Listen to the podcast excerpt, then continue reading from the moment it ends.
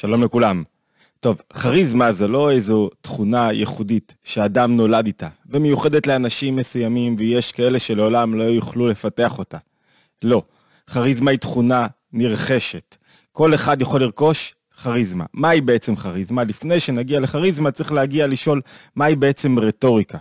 בניגוד לדעה הרווחת, אולי אני אקדים ואומר שהדוקטורט שלי עשיתי בחקר הרטוריקה, אחד הענפים המרכזיים שבו, ובניגוד לדעה הרווחת, רטוריקה היא לא אומנות המניפולציה. רטוריקה היא אומנות השכנוע. ואם אנחנו יוצאים מנקודת הנחה שכל אדם רוצה להשפיע, רוצה לתת משהו מעצמו, אז שכנוע זה לא שכנוע בדברים שאני לא מאמין בהם, זה אומנות השקר והמניפולציה, זו לא רטוריקה. רטוריקה זה שאני מסוגל להעביר את התכנים הפנימיים שאני רוצה להשפיע אותם על המציאות, ואין אדם שלא רוצה להשפיע משהו. כשאני מספר סיפור, כשאני מתלבש, כש... בכל הנהגה שלי אני רוצה להשפיע, אני מעביר רעיון, מסר, עמדה לגבי עצמי, לגבי העולם, לגבי משהו אחר. ורטוריקה נתפסת כדי להגיע לרטוריקה, כדי להשפיע על מישהו, צריכים להתחיל עם כריזמה. מה זו בעצם כריזמה? על פי מה שאנחנו משרטטים כאן מאוד בקצרה, כריזמה היא לא בידיים שלי. זאת אומרת, לא הדובר קובע מה מידת הכריזמה. מי קובע מה מידת הכריזמה? המקבל. זאת אומרת, הקהל, האנשים, מי שמקשיב לי, הוא מחליט אם אני כריזמטי או לא. הרי לא אני מחליט אם אני כריזמטי או לא. יש אדם שהוא כל כולו עם כל מיני תנועות כאלה, ומישהו אחד יסתכל עליו ויגיד, בואנה, זה, זה מגוחך זה עם כל התנועות שלו וכל ההגזמה שלו. דובר לא דתי יכול להסתכל פתאום על איזה דובר דתי, תיאטרל, ולהגיד, מה, מה, מה זה ההגזמה הזאת? דובר דתי מסוים שמתנהג כך. ודובר אחר יכול להסתכל על מישהו שהוא מלא חיות ואומר בואנה תראה כמה חיות איזה יופי איך זה משפיע עליי ונוגע לי בנשמה ויש דוברים שדווקא מדברים בצורה מאוד איטית חסרת אה, אה, תיאטרליות חסרת כל מיני מופעים כאלה ואחרים של אה, סיפורים והגזמות והנה והלשון שלהם היא מאוד מאוד עדינה ומאוד מאוד אה, מדויקת והם יכולים להשפיע ולהיות כריזמטיים יותר מהדובר התיאטרלי ולהפך זאת אומרת שכריזמה נקבעת בעיקר על ידי הקהל המקשיב למה שאני אומר. וכל אחד צריך לפתח את העמדה הכריזמטית שלו. כל אחד צריך להיות כריזמה, כריזמטי. למה? כדי שיהיה מסוגל להשפיע, כדי שיהיה מי שיקשיב לו. איך בונים כריזמה? הרי אמרנו, כל אדם חייב להשפיע בעולם הזה. חייב לגלות את המסר שלו. ברגע שהוא משפיע, הוא דומה לבוראו. הוא מגלה כוח פנימי, ולא רק יותר מזה, הוא יוצר אחדות בעולם. כשהוא נותן ערך לעולם, הוא יוצר אחדות בין כל מי שמקבל את הערך שלו בעולם. ולכן אנחנו חייבים להשפיע. וכדי להשפיע אני צריך שיהיה קהל שיקבל ממני. כדי שיהיה קהל שיקבל ממני אני צריך לפתח את תנועת הכריזמה בתוכי. תנועת הכריזמה זאת שתשפיע על המקבל, לקבל ממני את הכריזמה, לקבל ממני את הרעיונות ואת ההשפעה. הוא, סליחה, הוא לא מקבל את הכריזמה, הוא מקבל את הרעיונות וההשפעה. הכריזמה היא השטח שהוא מכין אצלו כדי לקבל ממני את ההשפעה. איך מפתחים כריזמה? איך גורמים למקבלים, לקהל, לקבל ממני בכלל? להכין שטח, זה נקרא שטח המקבל, שטח המשפיע במקבל.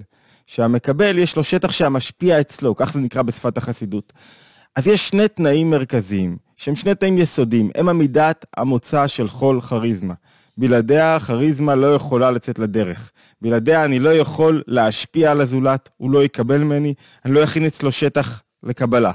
מהם שני התנאים הללו? לפני כן אני מזכיר, אנחנו בתוך התבוננות יומית, מוזמנים להירשם לערוץ, לשתף את הסרטון וכמובן לייק, אנחנו מאוד שמחים בכך, זה מאוד חשוב לנו. מהם שני התנאים לגילוי כריזמה? שני התנאים הללו, זה מעניין ש, שיש לי, אחד המנחים שלי לדוקטורט, אה, השופטים שלי בדוקטורט, לפני זה כבר היה 20 שנה, אמ, דוקטור, היום הוא בטח פרופסור קוצ'ין, כתב ספר אז שנקרא Five Chapters of Rhetoric, חמישה פרקים של רטוריקה, חמישה תנאים של רטוריקה. שניים מהתנאים הללו היו שני תנאים שמצאתי דווקא במכתב מאוד מעניין של הרבי מלובביץ'. אני אגיד קודם כל את השני תנאים הללו בצורה כללית וניכנס אליהם תכף. שני התנאים הללו הם, התנאי הראשון לגילוי כריזמה, לזה שאני גורם לזולת בכלל לשמוע אותי, בכלל לרצות לשמוע אותי. תנאי אחד זה שיש לי איזה תכונת ידע ייחודית לי. בשפת החסידות זה נקרא התנשאות, שאני מחובר למקום פנימי, שאני מדבר מתוך תוכי, שמשהו באמת נעלה אצלי במה שאני רוצה להביא. אתה לא רוצה לשמוע מישהו שאין לו משהו מיוחד להגיד. אנחנו רוצים לשמוע מישהו שיש לו משהו מיוחד להגיד, שיש לו מסר מיוחד להביא לעולם. המסר הזה, הוא למד אותו, הוא עבד עליו, הוא התאמן בו, יש לו ניסיון בו, אבל יותר מזה, הוא חקוק בתוכו, הוא חלק מהעצמות שלו. זו תנועה מאוד פנימית, שהיא ייחודית רק לו. אחרת, אני לא אקשיב לו. אני לא אקשיב לכל אחד. מה, כל אחד, אני אפנה לו זמן להקשיב לו. התנועה השנייה היא הופכית. היא נקראת בשפת החסידות קירוב. מה זה תנועת הקירוב? תנועת הקירוב זה היכולת שלי להיות אחד כמו כולם, ללא אינטרסים זרים. זאת אומרת, תחשבו על פוליטיקאי, כשפוליטיקאי גר במגדל השן, או, או, או אקדמאי גר במגדל השן, הוא לא חלק מכולם, יש לו איזה בית באיזה שכונה יוקרתית, ואני מתאפק לו להגיד באיזה שכונה יוקרתית, אתה מרגיש שהוא לא מכיר את כולם, הוא לא, את העם, הוא לא אחד מכולם. אנחנו רוצים שהפוליטיקאי שלנו, למשל, יהיה בעל תכונת ידע ייחודית, שהוא עשה משהו ייחודי בחיים שלו, שהוא מגלה איזו אצילות, זה נקרא מידת המלכות, שיש לו איזו אצילות מיוחדת. אבל יחד עם זאת, לא רק אותה אצילות אנחנו רוצים, אנחנו רוצים שלא יהיה נבדל באינטרסים שלו, שיהיה אחד מכולם, שיגור כמו כולם, שיחיה כמו כולם, שלא יהיה באיזה בית זהב מיוחד כזה, עם, עם, בריכה יוקרתית שלא מבין את הצרכים של העם. בכל תחום, כל פעם שמישהו מדבר איתנו, ואנחנו רוצים להקשיב לו, אני רוצה לוודא, אחד, שיש לו משהו ייחודי לתת לי, שאין לאף אחד אחר. המשהו הייחודי, הייחודי הזה נקרא תנועת ההתנשאות. שתיים, שאין לו אינטרסים חורגים, שהוא לא מנסה לעשות עליי מניפולציה, שהאינטרסים שלו חופפים לשלי, או לפחות בהירים ואני יודע מה הם. הוא לא מרוחק ממני, הוא לא גר באיזה מגדל שן, הוא לא עושה עליי מניפולציה, הוא לא מוכר לי דברים שהם לא שייכים לעולם שלי. זאת אומרת, כשמישהו מנסה לדחוף לי משהו, ואני חושב שהוא רוצה לדחוף לי לא בגלל שהוא רואה אותי ואת הצרכים שלי, אין פה קירוב. ואני רוצה רגע לקחת אתכם למכתב הזה, כי השתי תנועות הללו, היסודיות הללו, שהן עמידת המוצא של כל כריזמה, כן, תתפלאו, כריזמה היא לא קסם אישי יוצא דופן, והיא לא יכולת מסוימת לשחק עם הלשון ולספר סיפורים בצורה מסוימת. כריזמה יש שתי תנועות, התנסות וקירוב. התכונה הייחודית שלי והיכולת שלי להיות אחד מכולם. כשיש לי את שתי התנועות הללו, שהן הופכיות בעצם, ואני מגלה את שתיהן בדיבור שלי, האנשים יקשיבו לי. כי אומרים, או, פה יש פה משהו מיוחד, או. אבל לא רק משהו מיוחד, הוא גם שייך אלינו, הוא גם קרוב אלינו. מאיפה זה נלקח? אז במכתב מכ"ה טבת, תשט"ז, 1957, הרבי מלובביץ' אומר, במכתב למישהו שלא מצליח לשכנע אנשים אחרים, להשפיע עליהם, להפיץ את המסרים שלו, את הרעיונות שלו. הוא אומר, מבואר בכמה מקומות בדח. דח זה דברי אלוקים חיים, זה המאמרים העמוקים ביותר, שנשענים על ספרות הקבלה. והוא אומר, שבכל אדם האלוקות שבכל נברא. בכל אדם יש חלק אלוקה ממעל, ממש. יש בורא שבורא אותו. בכל אדם, האלוקות שבכל אדם, יש בה שני הפכים. שני הפכים שהרגע דיברנו עליהם. אחד, זה התנשאות. זאת אומרת, תחשבו על זה, זה שיש בי חלק אלוקה ממעל ממש. שיש בי נקודת אלוקות, בורא שבורא אותי, נקודה שבה הוא בורא אותי ו- ו- ושוכן בתוכי. זה אומר שאני נבדל ואני מרומם ואני ייחודי ולא משנה מה עשיתי. זה המקור לאדם, לכוח הבלתי מותנה. ועם המקור הזה, אם אני לומד ומפתח אותו, אז יש בי איזו תנועה של התנסות, תנועה מאוד מיוחדת. ויש תנועה הפוכה, הוא מסביר, של קירוב והתלבשות. מה זאת אומרת? בכל זאת הבורא האינסופי יורד מרום מעלתו ושוכן איתך במקום שלך. ואז הוא יורד למטה, וזהו שני ההפכים שמרכיבים את ספירת המלכות. ספירת המלכות היא הספירה העשירית למי שמכיר, היא הכוח העשירי בנפש, והכוח העשירי שבאמצעותו הבורא בורא את הבריאה, והיא הסיכום של כל הכוחות, היא מגלה את כל הכוחות, כי היא מחברת את האדם לזולתו. היא גם מקבלת את כל הכוחות הפנימיים, והיא גם משפיעה החוצה. היא מקבלת מעצם הנפש, ולכן המעלה שלה מאוד גבוהה, והיא גם משפיעה החוצה, ולכן ספירת המלכות צריכה את שני התנאים הללו. מצד אחד היא מקבלת את המקומות הגבוהים שלי, את מה שלמדתי, איפה שהתפתחתי, את העצמות שלי. אתם רואים שמישהו יש לו מלכות, יש לו איזו תנועה מאוד נעלית, יש לו איזו הליכה כזה אצילית. אתה, אתה רואה שיש בו איזה גילוי של משהו מרומם קצת, מישהו שיש לו תכונת ידע ייחודית. לא זה, זה, זה, זה לא פוזה, זו תנועה ייחודית שלעצמו. יחד עם זאת, המלכות חייבת להתלבש מטה. חייבת לרדת לתוך העולם, ליצור קשר, אינטראקציה, להראות שהיא לא, שהיא לא, שאין לה אינטרסים זרים, שהיא לא מניפולטיבית.